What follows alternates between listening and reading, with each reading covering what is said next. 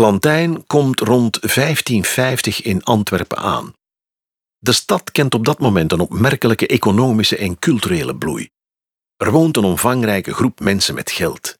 Deze mensen hebben interesse in luxe producten, waaronder ook boeken. Antwerpen is dus een aantrekkelijke plek voor een ambitieus ambachtsman. Plantijn bouwt een stevige reputatie op als drukker. Naast bestsellers geeft hij ook boeken uit van zeer hoge kwaliteit. De vormgeving van deze boeken is onovertroffen. Hij volgt op de voet welke nieuwe letters op de markt komen. Hierdoor kan hij zijn klanten een grotere keuze aan lettertypes aanbieden dan zijn concurrenten. Plantijns succes komt er niet vanzelf.